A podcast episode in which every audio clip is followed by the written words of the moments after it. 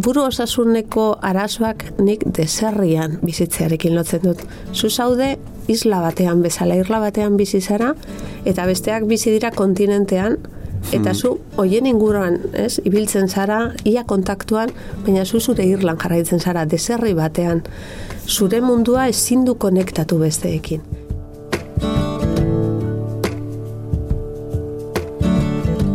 Korapiloak podcasta inigo antxorregirekin. Well, I had a dream I stood beneath an orange sky. Miren Larrion, ongi etorri. Eskerrik asko. Hasi nahi dut esaten, ez dakizu ze poz ematen didan, ze hainbeste irakurri dut zutaz, hainbeste entzun dut zutaz, baina beti beste norbaite kontatua izan da dena, ez? Orduan gaur guztia zure hautik entzuteko aukera izatea, benetan plazer bada. Eta nire aldetik ere, e, ni neu kontatu ahal izatea, ez? E, Bai. Zuk zeu kontatzen duzunean zure historioa, nola baiteko galdutako potere pizka bat zure ganatzen duzu. Ze osasun mentalegin arazoak duzunean nola ere, zure hainbat gauza galdu duzu, eta joan artean neurri batean zure kontrola, zure botere pizkat, eta hotza berreskuratzea, suposatzen du bizitzaren beste arlo batzuk ere berreskuratzea, osake nik ere eskartzen dizut. Ba, goazen hasierara miren. Eta hasiera diodanean ari naiz, ba bueno, irakurri nuen hori guztia baino lehenagoko garaietara, ezta? 2008 bat hasiera baino aurreko garaiuritara. Zu nola zeunden, nola, nola sentitzen zinen? Bueno, e, bai, oso ondo dago nire historia kontatzerakoan ez izatea bia puntu bat eta da publiko egin zenean zerbait gertatu dena, eh? zerbait ulertezina jendearentzat normala ulertezina zelako. Eta orduan hitz egin dezakegu hori baino lehen, ez? Eta horren ostean. Hori baino lehen, porque, bueno, nik ja publiko egin dut nire diagnosia zein den, eta da traumaren osteko e, estresa. Orduan hori baldin bada trauma bat egon behar da lehen. Orduan ni nola nengoen 2000 eta goita bateko hori baino lehen, pues egoera gogor batean, pairatzen, eragin zidana trauma. Bai. Eta trauma hori esaten dodanean, bueno, nire psikologoaren hitzak ez nik ulertzeko edo, baina bada e, gertatzen denean zerbait guk bizitza ulertzeko era, mm, neurri batean edo bestean, ez? Hau era, kokapen desberdinetatik eh, etor daiteke, apurtu egiten dela. Eta gure buruak ezin duenez e, horri aurre egin, fragmentatu egiten da. Eta horrela nengoen, nengoen egoera batean hori eragin zuela nire buruan. Disoziazio hitza entzun dizut askotan. Bai, karo, zer gertatzen da edo nola erreakzionatzen du burmuin batek dagoenean, ez une oro erasoak pairatzen, baina edozein momentuan eraso potente bat etor daitekela zain, ez? Begira, dago une oro bizitzen, pues askotan animalekin edo esaten dena, ez? Edo aurra egin, edo iez egin, eta iez egitea ezinezkoa denean. Pues momentu batean horrela bizi den burmuin bat, badoa, ba, e, bizirauteko ezinbestekoak ez diren hainbat gauzak pizkanaka pizkanaka volumena jaizten, deskonektatzen, porque bizi gara egoera konstante batean de bizi iraupen moduan. Hori da deskonektatuta bizitzea. Burmuina analizatzen duzu egoera nagoen zer egin behar dute reakzionatzeko, baina nire gorputzak ezin du sentitu horrek suposatzen duena. Ni disoziatuta bizi nintzen. Eta adibidez lo egiteko ere arazo handiak ez da miren. e, arazoak lo egiteko, e, beste sintoma batzuk ere bazen hiperfagia, hau da, hainbat momentuetan nik egon behar nuen edaten edo jaten, pues, ez, angustia hori nola baita edo liseritzeko, e, arazo muskular batzuekin ere tratatzen nuela e, fisio baten bitartez, e, sofokoak hasi ziren eta pentsatu nuen ba menopausia zela eta bada ez, e, estres egoera horretako beste sintoma bat, sintoma askorekin, eta dena den hau kontatzen badugu ere horrela, eta ez, ez, horrela kontatzean ematen du, jo, pues argi dago zer zegoen, pues barruan dagona ez du ikusten zer dagoen. Gauza bakoitza bere aldetik interpretatzen du, badaki egoera, mm, bueno, gogor batean dagoela, eta jazta, horrela, pairatzen, aurre egiten, saiatzen aurre egiten e, guzti horrekin. Hau guztia bizitzen ari zinenean politikaria zinen. Eh, Bueno, hau guztia bizi izan nu- bizi izan nuen politikaria nintzelako. Vale. Hori zen galdera. Faktore nagusia izan da politika. faktoria izan da politikan e, nire jarduera. Eta horregatik hori baino lehen nik ez dut hori bizi eta politika utzi duanetik ere banago leku seguru batean osatzeko eta hori berriro ez bizitzeko bai. Momentuan bertan agian askok edo batzuk behintzat esango zizuten ut, utzi zazu, utzi zazu miren, baina hori etzenan hain erreza izango ezta. Bai, hori da. E, maiten egin dute, bueno, maiten hauten ego indikan, ez? E, momentu horietan ni ikustean gaizki esaten zuten, utzi ez du merezi. Eta nik ezin nuen, nik beti esan nuen, ez? Ni sartu nintzen politikan, ba, pentsatzen duelako dudalako politika badela gauzak beste era batean egin daitezkela, mundua beste era batean izan daitekela, gauzak beste, beste zarbaitetara balio behar izan dutela, eta horretara konprometitu nintzen, nik aurkeztu izan naizenean, ez, e, zerrendetan, eta jendeari esan dioanean, konfiantza izan nigan, porque honetan sinesten dut, eta borrokatu egingo dut honen alde, konpromiso hori nire osasunaren gainetik jarra izan nuen. Beste faktore bat agian pandemia ere izan zen. Bai, zalantzari gabe. Hori psikiatrarekin ere hainbatetan komentatu dugu. E, horrela bizitzea eta pandemia ziurazki sortu zituela baldintzak e, kaitza perfektua izateko, ez? Zentzut txar batean, baina hori gertatzeko. Mm, E, eusteko heldulekuak izan zirenak mm, moztuta gelditu ziren pandemian. Jendearekin egotea, babes hori hoiekin egotearena moztuta, erabat. Orduan bakarrek zegoen. Bueno, ni sufri arazten induen egoerak eta ezer gehiago. Alako batean zerbait gertatzen da, geroago prentxan irakurriko genuen, em, ba, bueno, lankide baten kartera aipatzen zen, Bai. nik zure hitzetan entzun nahi dut. Zer gertatu zen miren? Bai, nik egoera horretan bizi nintzela e, nire buruak, bueno, e, engainatu ninduen, e, baina nire buruak eraman ninduen pentsatzera nik ere e, beste arazo bat nuela. Eta orduan defendatu behar nintzela. Uste nuen arazo bat izango nuela pertsona batekin, e, nire diruarekin, eta bilatzen ari nintzen nola sortu kontu bat beste baten izenean, ez, eraso hori etorriko zenean dirua ongordea izateko. Eta aurkitu izan nuenean, bueno, pues lurrean lankide batera pentsatu nuen hori zela. Pentsatzen nuen, agian, e, eraso ezela etorriko, eta horregatik ere gero nik diru hori e, pertsona horri oparitu nahi nion, porque nik pertsona horren laguntza beharko nuela une batean edo bestean ez, dirua sartuz gero, gero handik ateratzeko, nik pertsona horren kontra ez zegoen ez? Baizik eta beste eraso bat pairatuko nuelakoan. Ez zela erreala. Baina nire buruak engainatu ninduen e, hori pentsatzera eta behartzen ninduen une oro egitera gauzak jendearen aurrean. Jutea irekitzera e, ni pertsonalki gauza batzu, june egitera gauzak, ez une oro ni, karo, ni gaztizen pertsona ezaguna nintzen. Ja, Beste baten izenean eginez. Orduan e, nire buruak nahi zuena zen e, ni gelditzea. Ni gelditzea norbait eta zerbait publiko egitean laguntza ez, eskari bat zen. zure burua engainatu zintuela, ze Bai. dugu disoziazio horrengatik zuetzinen konstiente egiten ari zinenaz. Hori da, hori da. Nik pentsatzen nuen horrek zentzua zuela, hori erreala zela, e, zentzu osoa zuela. Orduan, ez, hau publiko egiten denean, ni jur nintzen, bo, lehen bizi, ez, lankide honen gana, dana kontatzera, gero, zagokin lekuan, gero ere, jende guztiari kontatzen nion. Eta inork, ezion inolako esankarik ez bururik hartzen. Osea, egia esateko, nik kontatzen dudanean zer egin dudan. Osea, nola, ez hartu beste baten dokumentazio, bere izenean irekitzeko kontu bat dirua sartzekoan, ez ez dauka esankarik ez bururik. Orduan, uste dut horrek ere laguntzen duela ulertzen, pues, zerbait zentzu ez badauka. Ez, Zerbait gertatzen. Hori da, zentzu falta berak ez dela asaltzen duena. E, baina niretza zentzua zuen. Orduan, momentu batean, karo, nahiko empiriko ere banaiz, ni kontatzen dudana, ez? Ondokoi kontatzen didana, nire ustez, nire ondokoek, mm, bueno, pertsona askarrak dira. Eta inork ez du ulertzen, pues beraiek irabazten dute. Osea, egin dudana ez dauka zentzurik. Osea, hori nire buruak esaten zidan, porque hori disoziazio horretan ez, buruak ondo funtzionatzen zuen, neurri batean, sati batek ondo funtzionatzen zuen. Ez zuen zentzurik, orduan, pues zerbait gertatzen zait, ez? Karo, momentu batean eh, nire alaba etortzen da, kanpoan ikasten dut, eta etortzen da, eta asaltzen dionean da, ez dit, ama, osea, kontrola galduta zenuen. Ta, Jo. Eta zerbait barruan esan zidan, ala, pues bai, Bai, karo, nik kriston presiopean bizi nintzen, uste nuen, ez, gero eta gauza gehiago egitera, ez, eramaten ninduten, gero eta gauza gehiago egiten saiatzen nintzen, nik garai horretan bakarrik bizi nintzen lan egiteko.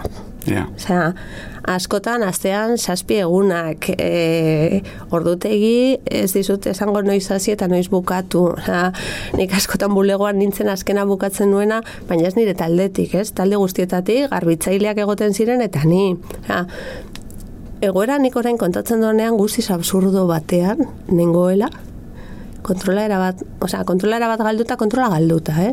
Eta nire buruak ni engainatu handik ateratzeko, porque gauza bat ere kontatu dudana. Publiko egiten denean, jendeak igual pentsatzen du, boa, ze gogorra eta bai gogorra. Nik lasaitze ederra hartu nuen. Gutxienez banekien, egoera, jasan ezin hori bukatu bazela.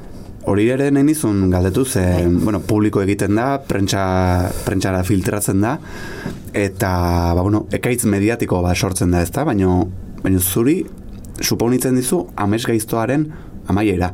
Bai. Eta gian beste baten hasiera.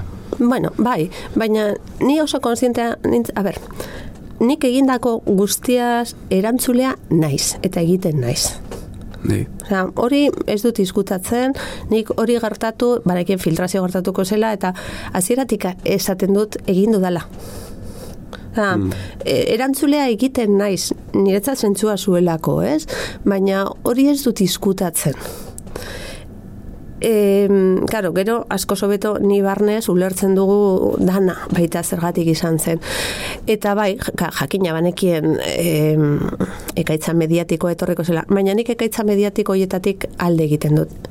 Nik egiten dut publikoa nire nik egin dudala, ez? Hori eta bueno, eta disposiziora jartzen naiz ere, ez luego justiziarekin edo zein gauzarako eta eta eta amatatzen dut, osea, sare sozialetatik e, banoa, ez dut prentza ikusten, ez ezer, guztiz alde egiten dut. Eta jartzen dut nire konfiantza asko jendearen gan, e, bueno, beraiek esatea, ikusten badute zerbait egin behar dela, kontutan harturik nizegora nagoen, egiteko, baina bestela, kanpo, nik ez dut irakurri, ez dut jarraitu, ez ezer, banekien zetorrela. Baina izkutatu nintzen, gorde nintzen leku txiki jun batean guzti horretatik kanpo. Eta orduan, ez existitzen. Ingurukoak, bueno, gertu zenituen, ze esan duzu, ez? E, alabak esan zizula, ba, jo, eske kontrola galduta zen den. Horrek modu batean lagundu zizun kontrol hori berreskuratzen? Bai, bai. Karo, a ber, nire lagun guztiek eta familia ez basuen ulertzen. Kontrola galduta nuela, ina, pues laguntza beharko dut, pues igual nik egin dudana, ez? Horrela, osea, baina ia, itz, esaten duan, itz tonto eta jarrera tonto egiten, igual laguntza behar dut, eta dut, pues igual psikologoaren kana, eta nire lagun bat medikoa dena, ez? Esan zian, bueno, baina igual beharko duzu ere medikazio egiteko, igual psikiatra, ah, pues zeideia ona, osea, pues, eta igual larrealditara jun, ze horrela ja medikazio ematen dizute lehen bailen, eta bale, horrela, horrela baitu nintzen ni psikiatran. Psikiatra zoragarri batekin. Sortea izan duzu. E, ikaragarria. Nik, dena den pentsatzen dut gehienak izango dira horrela. Baina ez de logo nirea horrelakoa da. Bada, ez, arabako osa- osakidetzako, ba, psikiatra burua, eta impresionante egiten duten lana, impresionante nirekin egin zuen lana, nik zerbait buruan izan baino lehen jaberak bazekien, bueno, impresionante, impresionante laguntza. Laguntza profesionala jaso zenuen, baina baita ere aipatu duzu, ba, bueno, e, zulo txiki ilun batean ezkutatu zinela, ez? E, isolatu egin zinen. Ez, bai eta ez, hau da, hau da, nik leku horretan sartu nintzen eta han egon nahi nuen. Vale. Baina, karo, ze gertatzen da, e, nik bai kostientean nintzen nire burua nien gainatu ninduela. Osea, ni orain arte ez, e, nire burua fidatzen banintzen, eta nire burua kapasa bazen nien gainatzeko, e, zer egin behar nuen? Karo, ezin nuen nire buruari entzun, porque ja nintzen nire buruaz fidatzen. Ja. Orduan, kasu egiten nion psikiatrari, kasu egiten nion nire ingurukoi pues adibidez, ez formazio mediko zituztenak esaten zidatena ordenatu behar duzu bizitza, egin behar duzu kirola, ordutegiak ezinbestekoak dira, ezin zara etxean geratu, orduan, nire barruko abotzak esaten zidan, jo, guazen izkintzo batera gordetzera, ez, eta inorrez ikustera in- sekulan ja. Baina ez nintzen ez ja, abotz horretaz fidatzen eta beste ahotsak zen erregulatu, pues kasu egin nien kanpoko abotz oiei. Eta gertatzen zitzaizun horri izena jarriko zion, psikiatrak, e, trauma ondoko estresa. Noiz iritsi zen izen hori eta lagundu zizun izena jartzeak? Bueno, izen hori e, hilabeteak pasa eta pasaren ostean. Bale? Nik askotan, ez, a, igual hasieran galdetzen nion gehiago zer zen, baina berak esaten zidala ere, bueno, zer, ez zela garrantzitsua, handik ateratzea zela garrantzitsua momentu horretan. Eta arrazoia, bueno, esaten duena, nik ja nire burua zen nintzen ez fidatzen, arrazoia izango zuen, eta konbentzitzen ninduen, egia da, ze importa duz hasiera horretan, eh? zer zen, baizik eta handik ateratzea. Orduan, berarekin terapia hitz egitearena, e, botikak egiten nuena, ez garrantzitsuena zen handik ateratzea. Baina, karo, gero, hobeto zaudenean, orduan bai, orduan jakin nahi duzu zer den, orduan igual horren inguruan irakurri nahi duzu, orduan, ez, deskribapen gehiago interesatzen zaizu, baina hasierako fasean, hasierako fasean izena ez idan importa. Osea, baizik eta handik ateratzea. Laguntza profesionala zari gara, baina beste laguntza bat ere egongo zen. Bai. Hain gero guardakoren bat egon zen tartean ez da, miren. ikaragarria. Ha, badakizu beti, kon, dena den ere, gaina esan behar dugu, hau gertatu zela, ba, oindikan, bigarren konfinamenduan, eh? Mhm. Zegoenean, ba, ezin ginela gure udalerrietatik atera, e, Bai. marretarako itzean, zain bat gauza, ez? E, giro horretan, oindikan, giro opresibo horretan geundela, eta eta bueno, pues, e, e, familiak, lagunak, ez, e, zure inguruan nire lagun egin zuten WhatsApp talde bat nola, ez, ez nitaz hitz egiteko eta jakiteko eako kubrituta zegoen dana, hori guztia, baina, karo, nor dauka inbeste denbora libre, zuk momentu horretan jaduzu denbora guztia, eta zeinek dauka inbeste denbora libre. Eta nik guardiako inkeru bat, ere izan nuen momentu horretan oso lagun ona dena lagun mina bagaixorik zegoen, minbiziarekin, eta berak berehala deitu ninduen, e, hitze kontatu nion zer zen, eta berak esan zidan, ni irtengo naiz nire minbizitik, eta zu zure egoeratik. Eta hasiko gara ibiltzen egunero, eta horrela sortu zen las tullidaz taldea. Las tullidas. Las tullidas.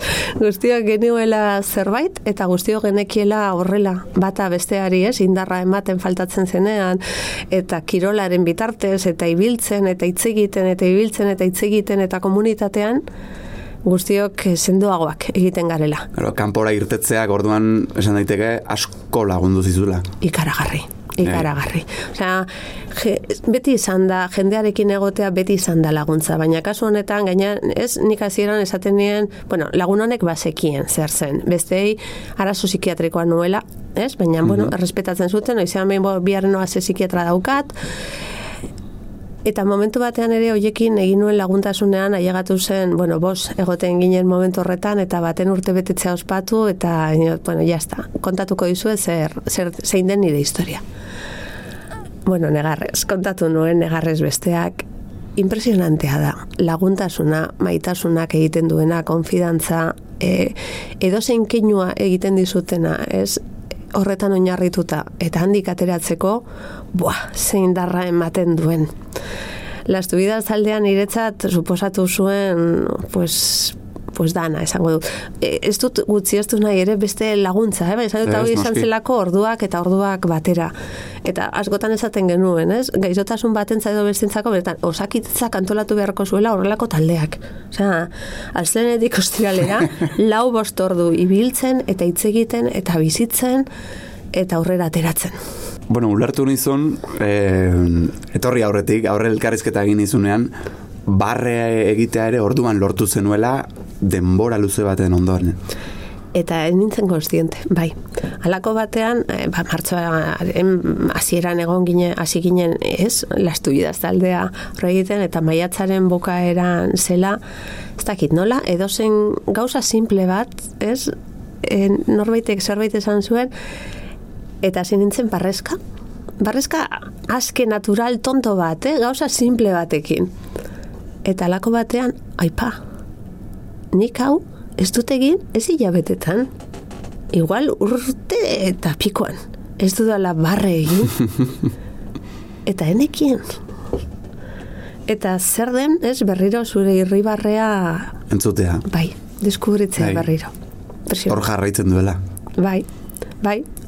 Zuia, nik askotan esan dut, ez, baina horrela, horrela iruditzen zaite egokia deskribatzea.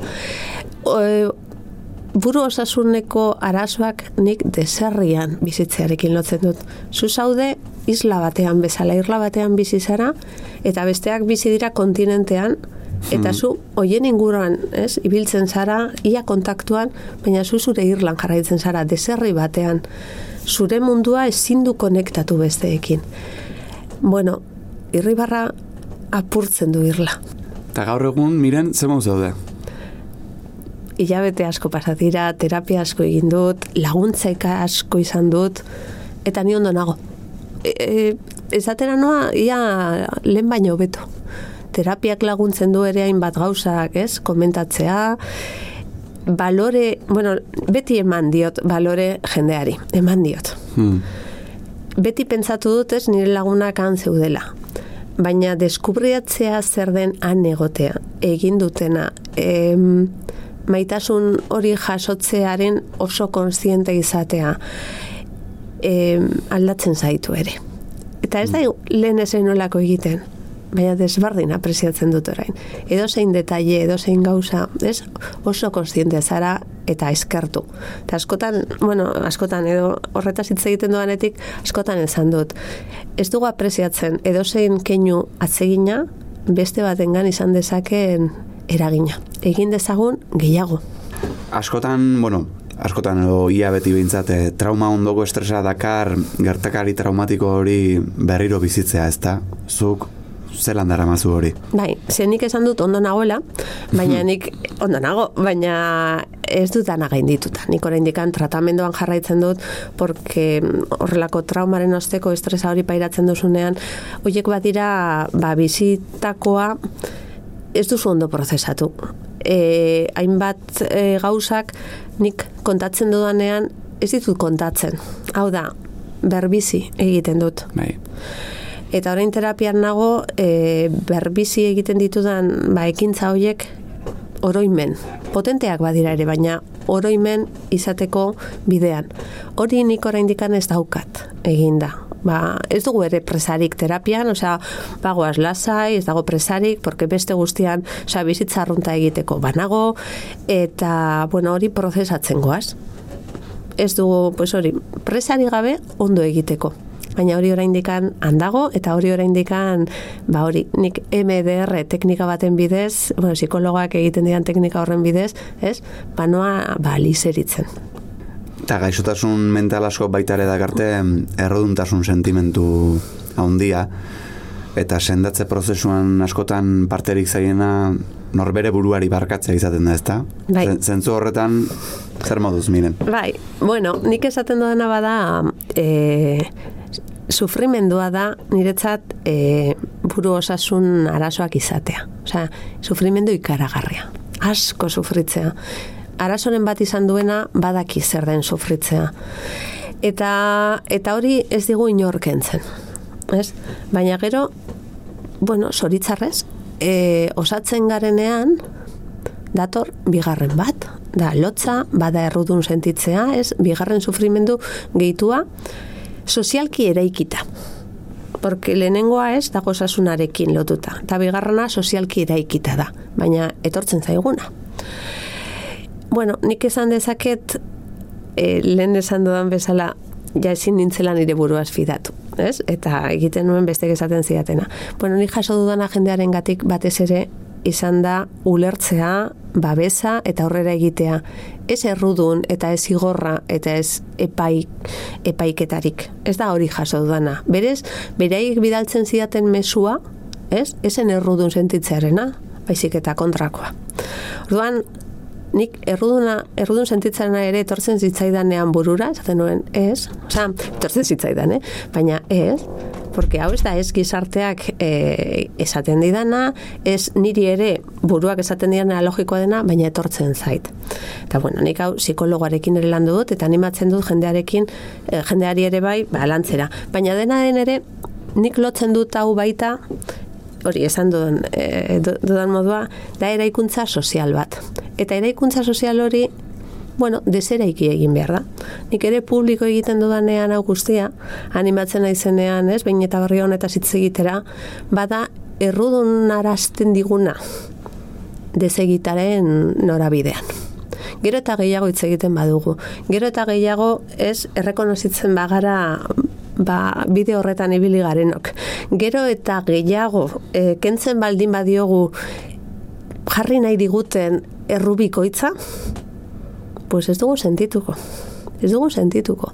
Eta badago horrekin lotutako beste uste dut e, gogoetatxo bat, ez? Eta bada, bueno, gure gaizotasunean argi da garbi. Osea, guk estres, e, osea, traumaren osteko estresa pairatzen duguno bada ikintza batzu gertatu dira, hau sortu digutena. Hau da, guri psikologo eta psikiatre gure sintomak tratatzen digute, eta norberanak desberdinak dira. Baina badago iturri bat, badago, ez, badago arazoen sorrera bat, eta hori ere ez badaintzat hartzen, eta olakoak ez badira desegiten, gero ez garagu izango, baina beste batzuk ere, gaixotu egingo dira. Orduan, bada garaia ere, ez bakarrik osasun mentala era psikologiko eta psikiatriko batetik aztertzeko. Hori ezinbestekoa da, eh? eta behar ditugu psikologo eta psikiatrak. Baina guazen ere bai soziologoak eta politikoak bilatzera zergatik dagoen beste, zer gertatzen ari den gizartean, ze balore dugulako, ze, ze pairatzen dugulako, ez? badugu orain epidemia psikologiko bat. Eta hori ere planteatzen dugunean, edo hori planteatzea, bada, errudun sentitzearen hori desegiten jutea. Porque ez badugu kuestionatzen, zergatik gaixotzen garen, hori ez da desagertuko. Eta ez kuestionatzeko, errua oso komenigarria da. Orduan, pentsa dezagun, ez, bi aldiz biktimak izan gaitezkela sinesten baldin badugu errudunaren historia. Eta nahikoa da behin biktima izatearekin. Nahi. Guazen planteatzera. Azken galdera e, zu bakarrik ulertuko didazu, baina azalpena eta poesia zure, zure eskutziko ditut. Eta galdera honako hau da. Guztiok elur maluta gara? Ni ba naiz. eta elur... Ni ere bai. eta elur maluta dena nik hasieran bota nuena baino askoz mamitsuagoa ere bada. Hau da, pentsatzen badugu ura, zer den, ez? Ura e, behin eta barriro ziklo eterno batean dagoela momentu batean tanta izan daiteke beste momentu batean ez em, e, lurrina beste momentu batean elur maluta une oro aldatzen gara baina elur maluta e, figura badauka auskortasun puntu impresionante bat, ez? Eta guztiok izan garanean elur maluta oso kostienteak izan gara edo elur maluta dago beste elur malutetat, maluetatik bananduta isolatu bezala, oso auskorra. Baina begiratzen badugu inguruan, elurra ari du. Elur Mhm. maluta asko gara. Orduan, lehenengo eta kostiente izan elurra ari duela. Elur maluta giza, ere, orain gara elur maluta, bia izango gara tanta, eta etzi itxasoa. Eta ikus dezagun ere bai metafora horretatik, ez? Zenbat irakurketa potenteak atera gaitezken gure bizitzarako guztiak egia direnak. Batera, ez gara euskorrak. Baina elur maluta garenean, bihar beste gauza bat izango gara. Eta bide horretan, bueno, hau entzuten duen edon hori, pa nire laguntza aurkituko duela jakin dezala. Gauzak aldatzen dira beti. Ekaitza ere ama, e, atertu egiten du. Elur maluta ere etorkizunean beste gauza bat izango da. Momentu honetan elur maluta bazara, bueno, asko izan gara. Baina aukera asko ere bai, aurrean aurkituko dugu. Miren Larrion, eskerrik asko bihotzez, eta ondo izan. Berdi. Eskerrak ez ez